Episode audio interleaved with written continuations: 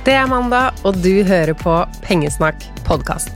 Jeg regner med du er klar for flere sparetips siden du satte på denne episoden, og det skal du få. Disse sparetipsene som jeg driver med, de kommer i stor grad fra dere. Jeg har tatt vekk de jeg ikke kan stå inne for selv i det hele tatt. Selv om jeg har jo med mange som jeg ikke bruker selv, eller tenker at jeg ser fordelen med for meg, men som jeg vet funker for mange av dere. Jeg har også lagt til mine beste sparetips, som jeg liker godt, og til sammen så er dette en liste med 99 sparetips.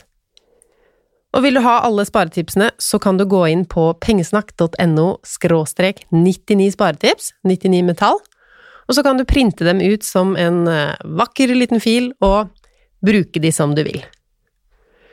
Dere som kjenner meg, veit jo at jeg er veldig glad i sånne markeringstusjer.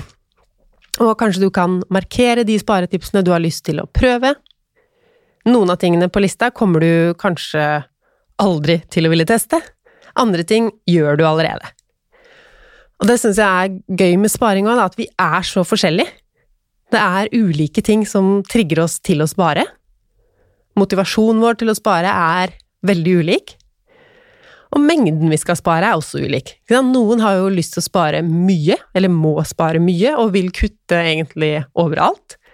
Mens andre vil bare bruke litt mindre penger på tull. Og det er stor bredde her, og det er også stor bredde i tipsene.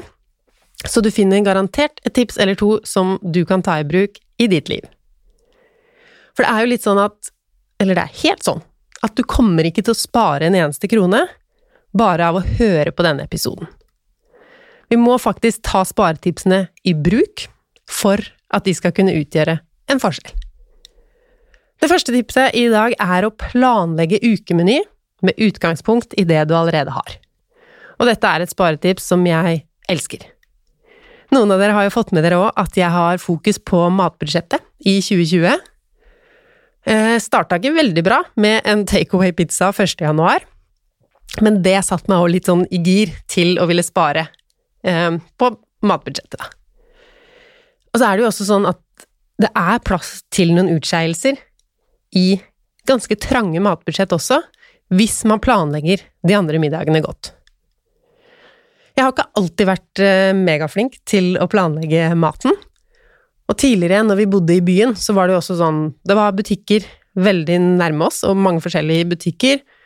Vi bodde i femte etasje uten heis, så det var jo ikke sånn kjempepraktisk å storhandle. Det var faktisk bedre å handle litt og litt. Nå, som vi bor nå, så er det jo mye mer praktisk å storhandle. Og så baker jeg alltid brød, sånn at vi slipper å dra ofte på butikken bare for å kjøpe brød. Vi har også hatt fokus på å spise opp en del ting vi har hatt hjemme, for å komme tilbake til sparetipset. Så da finner jeg på retter som inneholder det vi allerede har hjemme. Først i kjøleskapet. Det starter alltid middagsplanlegginga i kjøleskapet. Der er det jo ting som kan bli dårlig, ende opp med å ikke bli spist hvis jeg ikke får planlagt det inn. Og det å kaste mat, det er dårlig økonomi. Så start alltid middagsplanlegginga i kjøleskapet. Det er det beste stedet å være når du skal planlegge matuka. Sjekk hva du mangler for å få noe til å bli en middag. Og hvis du ikke har masse ting i kjøleskapet, så fortsetter du i tørrvareskap, skuffer og fryseboksen hvis du har det. Tenk sånn, hva kan bli en middag her? Og hva mangler jeg for å få dette til å bli et fullstendig måltid? Og så handler du da bare det som mangler. Jeg har ikke et sånt bestemt um, antall dager jeg planlegger for, at jeg alltid tar en hel uke. Noen ganger så planlegger jeg for fire dager, og andre ganger for ni. Så det er litt forskjellig, men hele middager planlegger jeg for. Og jeg har fått noen innvendinger på dette med å basere på ting du allerede har hjemme.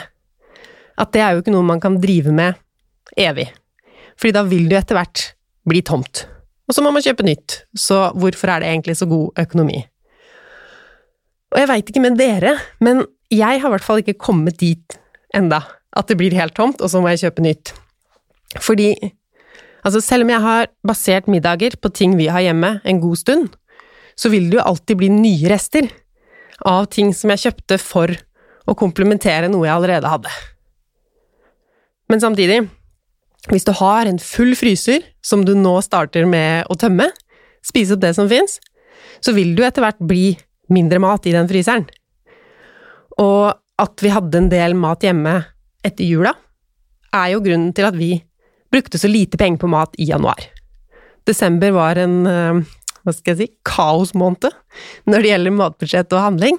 Mye rar handling. Vi hadde litt ekstra Ja, så det var ekstra mye rester, ting som måtte spises opp i januar.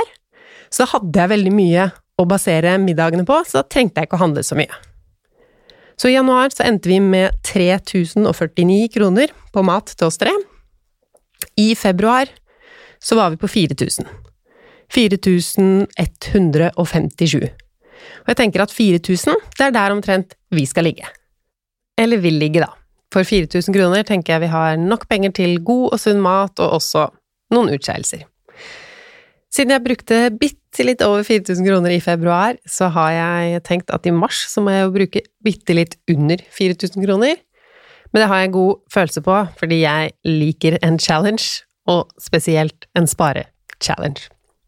Og så avslutta jeg februar med en ganske stor handling, så jeg har ikke brukt så mye i mars foreløpig. Noen har spurt meg litt om hva er det vi egentlig spiser, eh, og det tenker jeg vi kan snakke om i en annen episode, fordi nå er vi fortsatt på tips nummer én, og jeg vil over på tips nummer to. Tips nummer to er å ha en dag i uka der du ikke bruker penger. Og dette tenker jeg er mer som en sånn bra bevisstgjørende øvelse. Litt på samme måte som forbrukslisten. Mange av oss merker jo nesten ikke at vi bruker penger. Eller tenker i alle fall ikke over at vi bruker penger, vi bare drar kortet, vipser, ja. Så det er en fin øvelse. Det er en bevisstgjørende øvelse å ha sånne no spend days, som det heter i Amerika, forbruksfrie dager. Når du har en dag du veit at du ikke skal bruke, så merker du kanskje hvor ofte du egentlig pleier å dra kortet. Jeg har jo ganske mange dager jeg ikke bruker penger. Åh, hadde ikke det vært gøy om vi tok en felles sånn uh, challenge om å ha no spend days i løpet av en måned eller noe? Um, det var en av dere som foreslo uh, at vi skulle ha en felles challenge i Pengesnakkerne-gruppa. Da tror jeg du ville ha en sånn shoppestopp. Og shoppestopp er jeg egentlig ikke så fan av. For shoppestopp føler jeg blir veldig sånn Ja, jeg skal ikke shoppe, jeg skal ikke shoppe. Og da opphøyer man shopping til noe som Ja, at shopping er det man vil, da, men man nekter seg det. Der er jeg mer fan av å faktisk finne ut at jeg klarer meg uten å shoppe. Ehm, men dette med forbruksfrie dager, det er jo mer bevisstgjørende enn begrensende, tenker jeg. Så kanskje vi skal ha en sånn challenge. Ehm, det får bli i april, det, da. Ja, kanskje jeg lager en challenge med No Spend Days. Følg med i Pengesnakkerne-gruppa, eller så kommer jeg sikkert til å fortelle om det her òg. Uh, ehm, stay tuned. Det er fint når jeg får en idé midt i podkastinnspillinga. Vi går til sparetips nummer tre. Og det er å ha kapselgarderobe. Det er en av dere som har sendt inn en, og jeg er veldig enig. Og hvorfor er det sparing å ha kapselgarderobe? Det er sparing fordi du kjøper mindre nytt.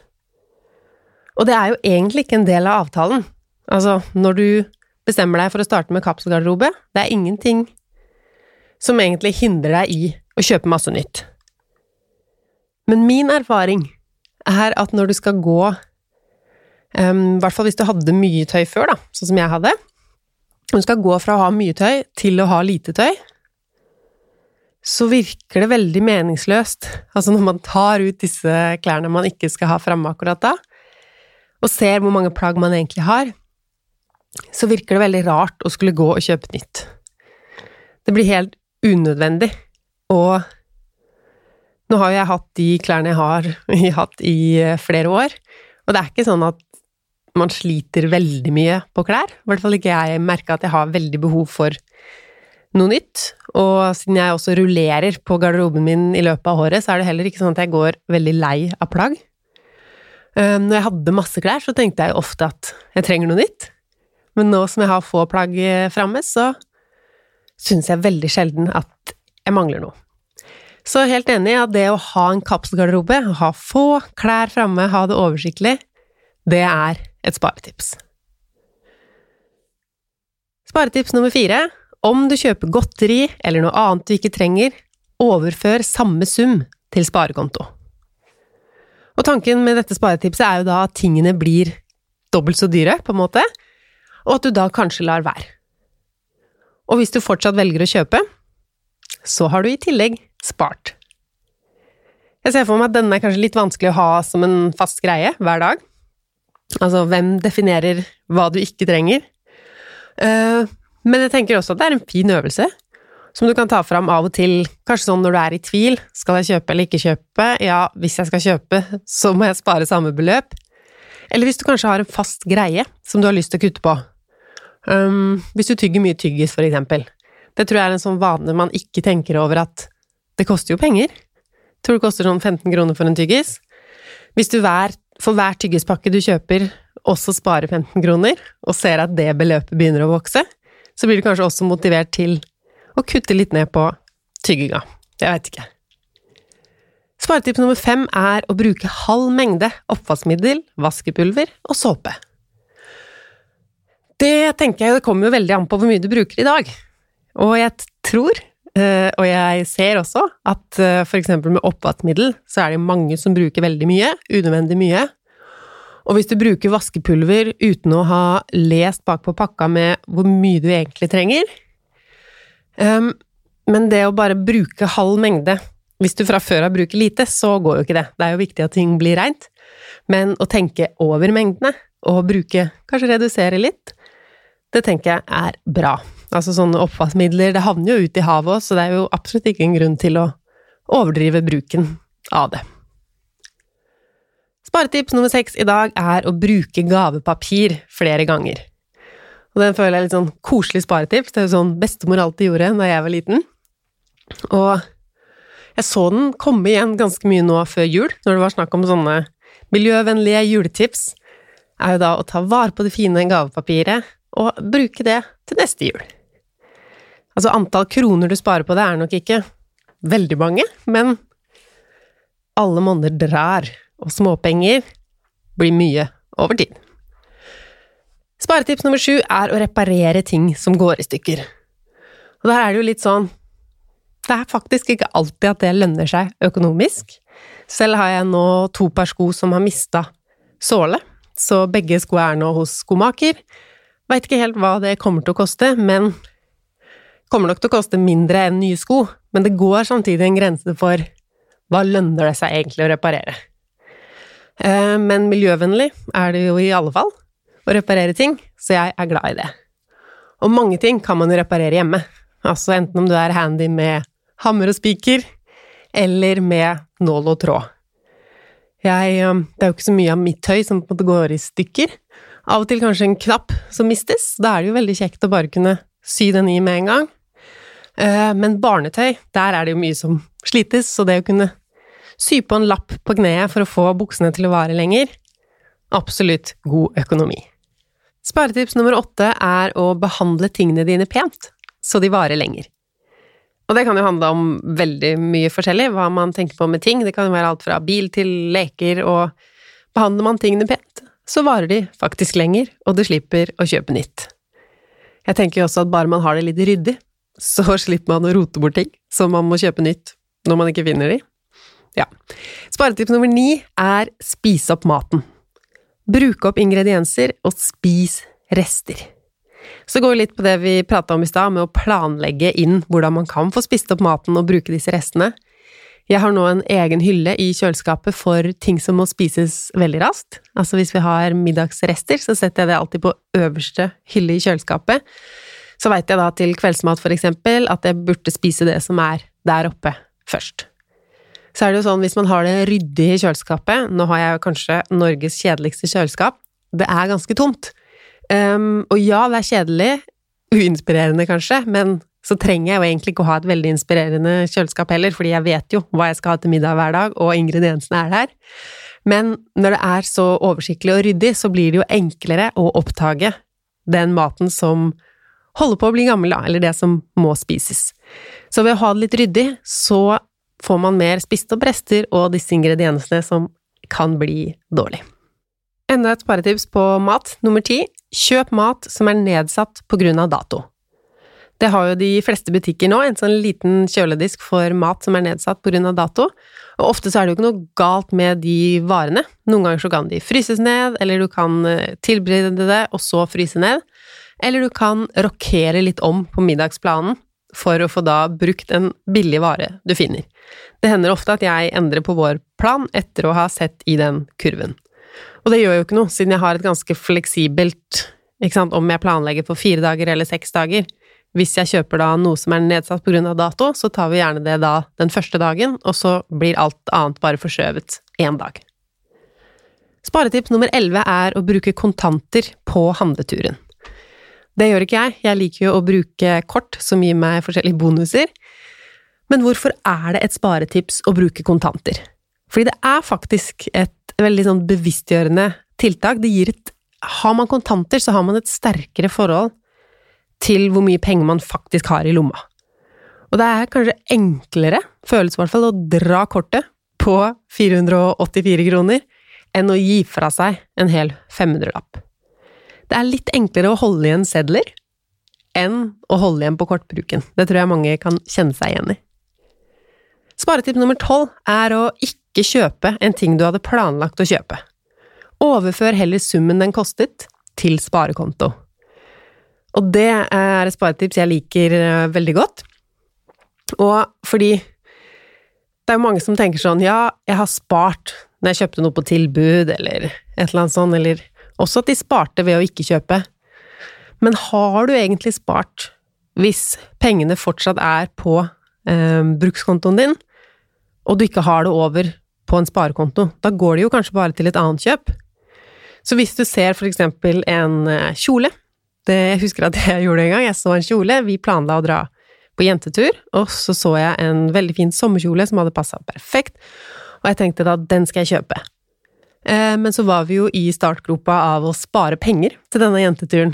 Så tenkte jeg ja, hvis jeg tar de var det 1200 kroner, eller var det bare 299? Uansett, tok den summen, og heller tok den over til sparing. Det er jo da man faktisk har spart, når man har fått pengene fra brukskonto over på sparekonto.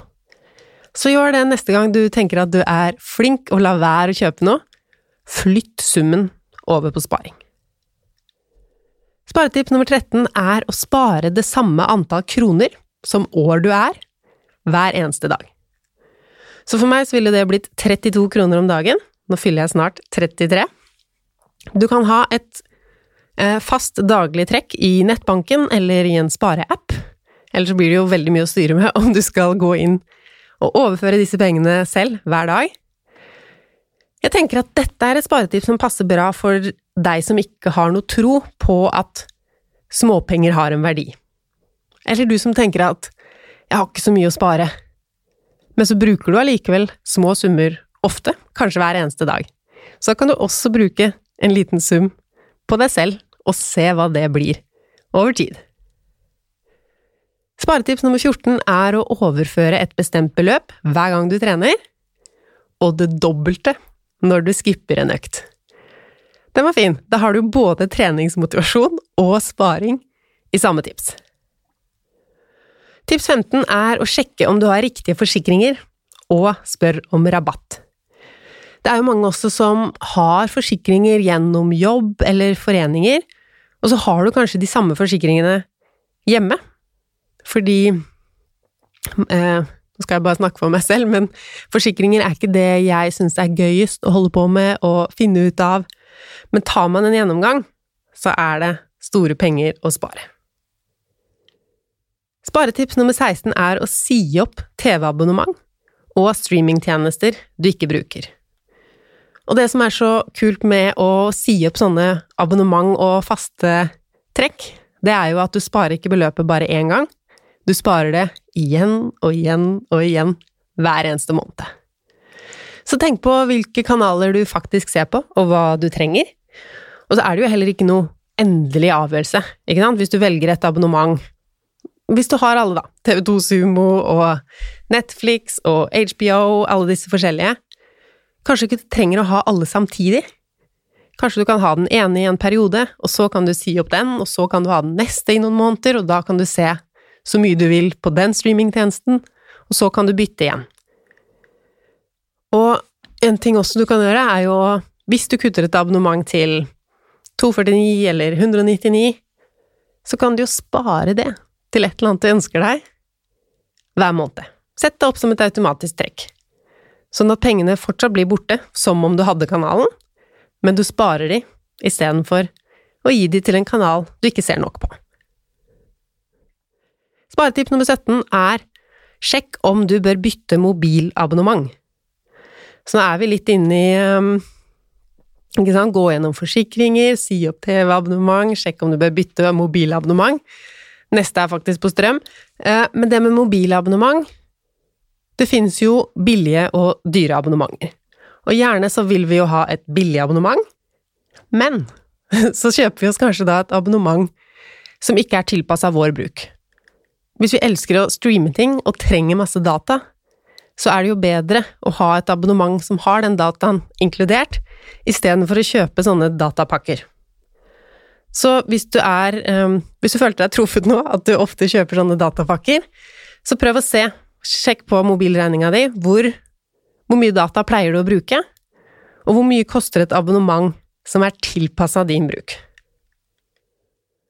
Eller så kan det være at du aldri går tom for data, at du har et mobilabonnement som er mye større enn det du trenger, da kan du også se om du bør bytte. Og sparetips nummer 18, da, det var sjekk om du betaler for mye for strøm. Dette er litt sånn ting som er litt tiltak, um, men motivasjonen for å endre på disse tingene, disse avtalene, det er jo nettopp det at dette er ting du betaler hver eneste måned. Så får du ned beløpet, da, har du et strømabonnement med mye sånne tilleggstjenester som du betaler for, eller et dyrt månedsbeløp i tillegg til nettleia og selve strømmen, får du ned disse beløpene, så sparer du jo ikke penger bare én gang, men hver eneste måned. Og det er jo dumt å betale mer enn du må, spesielt hvis du har lyst til å spare mye. Um, og når det virker uoverkommelig, så start med en av dem. Ta for eksempel bare strømmen nå, da. Du må ikke fikse alt på en gang. Så kan du ta forsikringene neste måned, eller bare se på mobilabonnementet ditt først, ta det du blir mest motivert av.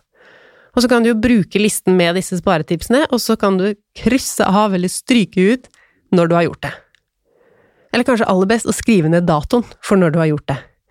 Fordi dette er jo ting du må gjøre igjen, om et år, kanskje bare om et halvt år. Noen av disse tjenestene er jo sånn som går eh, opp i pris, og det er de jo pliktig til å si fra om, men det gjør de jo gjerne på fakturaen. Så hvis du har e-faktura på alt sånn med alarm og strøm og sånn, så er det jo ikke sikkert du får med deg den infoen. Så følg litt med, og så ta en jevnlig gjennomgang. Sparetips nummer 19, det handler eh, om å gjøre ting selv. Hvis du gjør ting selv, eksempel klipper håret eller bytter bildekk, så kan du spare summen det ville kostet å la noen andre gjøre jobben. Så det er kanskje litt motivasjon for å gjøre tingene selv, når du får summen over på sparekonto istedenfor å gi dem til noen andre. Sparetips nummer 20 er å ha et budsjett og følg det. Planlegg hvor mye du skal bruke på hva, og gjør opp status på slutten av måneden. Og jeg vil egentlig slå et slag for å ikke bare gjøre opp status på slutten av måneden, fordi da er det jo for seint å justere. Jeg tenker at man må følge med gjennom hele måneden. Jeg har aldri vært en sånn veldig forkjemper for budsjett, eh, men Ikke for å være frekk, men mange av dere trenger budsjett. Dere kan få så mye igjen for å følge med på utgiftene. Altså først å planlegge.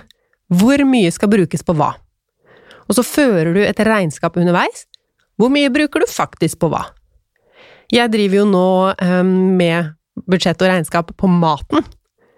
For det å følge med på summene, det har gjort at vi bruker mye mindre penger på mat i år enn det vi gjorde i fjor. Så jeg begynner å bli mer og mer, jeg skal ikke si frelst enda, på budsjett, men um, jeg får større og større tro på at det å lage budsjett og føre regnskap er viktig for en god økonomi. Jeg tar to tips til før jeg gir meg for i dag, og det ene er Sett 45 kroner på sparekonto for hver regning du betaler. Tenk på pengene som sparte gebyr for papirfaktura. Bra tips! Det finnes jo sånne eh, tjenester faktisk du kan ha automatisk i nettbanken din, sånn morsomspar eller hva det heter. Da kan de 45 kronene bli trukket av seg selv rett til sparing. Og det er veldig lurt å ha disse regningene på eh, e-faktura og autogiro og spare de kronene hver gang. Da slipper du også å glemme en regning og få purringer. Det liker vi ikke. Sparetips nummer 22 i dag. Sett inn penger på sparekontoen slik at det blir et rundt tall. Det er motiverende å se et fint tall. Der tenker jeg at det er eh, litt ulikt hva som motiverer oss. Eh, bare det ikke blir sånn at hvis du har et fint og rundt tall, så tenker du at nå burde jeg ikke spare 140 kroner, fordi da er det ikke et rundt tall lenger. Eh, men absolutt, hvis det motiverer deg å se at det blir et rundt tall, så sett inn litt ekstra, da. Til sist i dag, ehm, en pengesnakk-klassiker, hvis det går an å si. Ja, jeg sa det jo, så spør deg selv, gjør dette kjøpet meg lykkelig, før du kjøper noe? Dere har kanskje hørt meg si det før, ehm, jeg får meldinger av flere av dere som sier at stemmen min er inni hodet deres når de vurderer om de skal kjøpe noe. At eh, Lise-stemmen står og sier 'gjør dette deg lykkelig'? Men det er et flott spørsmål. Gjør dette meg lykkelig? Fordi ofte så er jo svaret nei. Eh, og så noen ganger er svaret ja. Ja, faktisk, dette kjøpet gjør meg lykkelig. Og når du kjøper det da, så kommer det faktisk til å bety mer for deg enn om du bare kjøpte det uten å tenke over dette spørsmålet. Det merker i hvert fall jeg. Og så lar man jo være å kjøpe en del ting, så det er god sparing. Liker det spørsmålet, um, og hvis du liker det spørsmålet, og de tankene det setter i gang hos deg, så liker du nok også boka mi Pengesnakk. Skal reklamere bitte litt for den her nå. Slik sparer du deg lykkelig, heter boka. Pengesnakk, slik sparer du deg lykkelig, og den finnes i alle bokhandlere og på nett. Hvis du kjøper den på ark.no pengesnakk, så kommer du rett til boka, og den er litt billigere på nett enn den er i fysisk butikk. Koster 262 kroner, og jeg tenker jo at etter å ha lest den, så finner du mange steder å spare inn de 262 kronene. Takk til alle som sender meg en melding om hva dere synes om boka. Jeg blir jo veldig stolt og glad over å høre hvordan dere har satt i gang med spareplaner, tenker litt annerledes på penger og økonomi enn dere gjorde før. Jeg ønsker deg en fantastisk uke. Jeg har mye spennende som skal skje for min del. Ikke alt jeg kan vise deg helt ennå, men eh, følg med på Instagram. Der deler jeg litt, og vi prates gjennom uka. Husk også å trykke 'abonner' på podkasten, så dukker jeg opp her igjen neste mandag. Og da skal vi snakke om Går det an å pensjonere seg som 40-åring? Ha det bra!